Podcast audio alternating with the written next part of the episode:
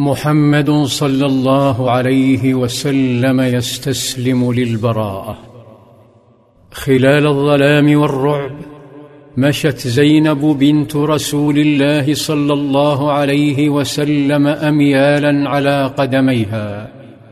من بيت أبي سفيان إلى أن وصلت إلى وادي يأجج تحمل طفلتها أمامه.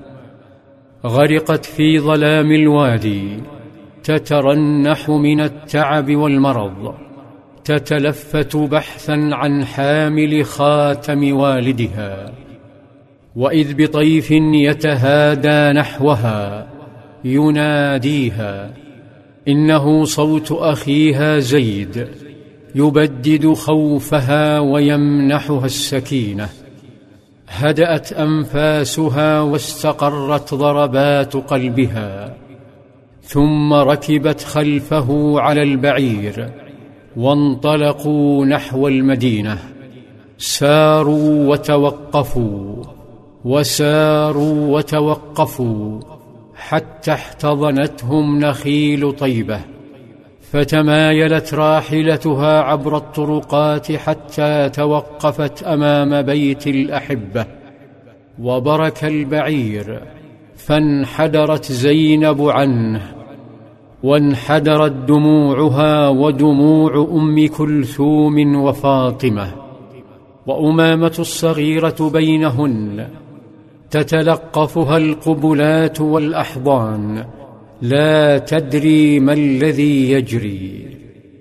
عانقتهن زينب وأبكتهن وأخبرهن زيد بما جرى وأخبرتهن ثم أخذنها لكي تستريح لكن دموعها لم تسترح فاضت من جديد. حين علمت أن رقية لن تأتي للسلام عليها فقد رحلت وسبقتهن إلى ديار خديجة. ابتهج صلى الله عليه وسلم بقدوم ابنته ولهج بكلمات تثمن جهادها وما أصابها. فقال صلى الله عليه وسلم هي خير بناتي أصيبت في أما صغيرتها فاجتاحت قلب جدها يلاعبها يحتضنها يقبلها ويؤذن بلال لإحدى الصلوات فيهم صلى الله عليه وسلم بالخروج فتنظر إليه أمامة بعينيها البريئتين وتلوذ بحنانه فيستسلم صلى الله عليه وسلم لتلك البراءة الآسرة ويحملها معه إلى المسجد فيقيم بلال وينهض الصحابة والصحابيات ويتقدم صلى الله عليه وسلم ليصلي بهم وأمامة على عاتقه. كأني بها تتأمل عسب النخل ووجوه الرجال وتعبث بشعر جدها وجدائله وتلتفت على من خلفه.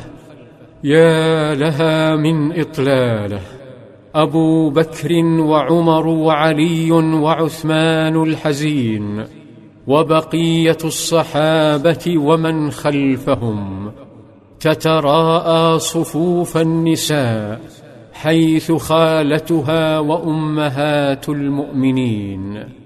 يركع صلى الله عليه وسلم فيضع أمامة على الأرض ثم يرفع ويسجد ويقوم فيحملها مرة أخرى ويكرر حركاته معها ثم يجلس.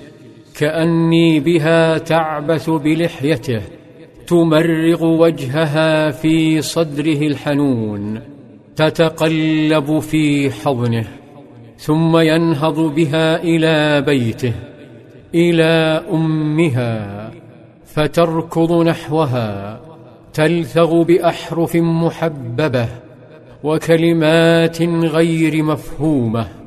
وكأنها تريد أن تقص عليها جولتها الرائعة وكأنها تقول ما أروع جدي يا أماه وما أجمل ابتسامات أصحابه.